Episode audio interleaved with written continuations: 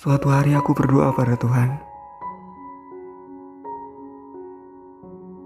Berdoa dan meminta padanya dengan sangat khusyuk. Senyum kecil dan kehangatanmu selalu menghampiri. Ketika aku berdialog dengan Tuhan, membicarakan segala sesuatu tentangmu. Kala itu aku memohon padanya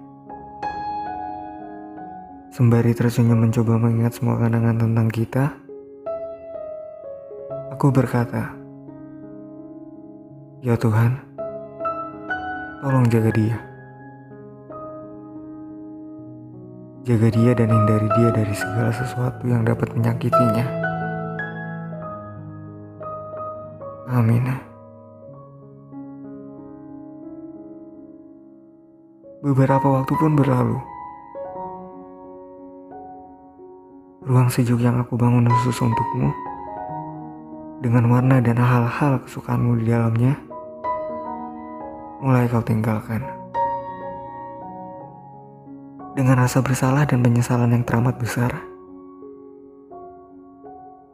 aku mengiyakan izinmu untuk keluar dari sana. Sesuatu terlihat mengiringi dan menuntun menuju pintu keluarnya tidak begitu terlihat jelas.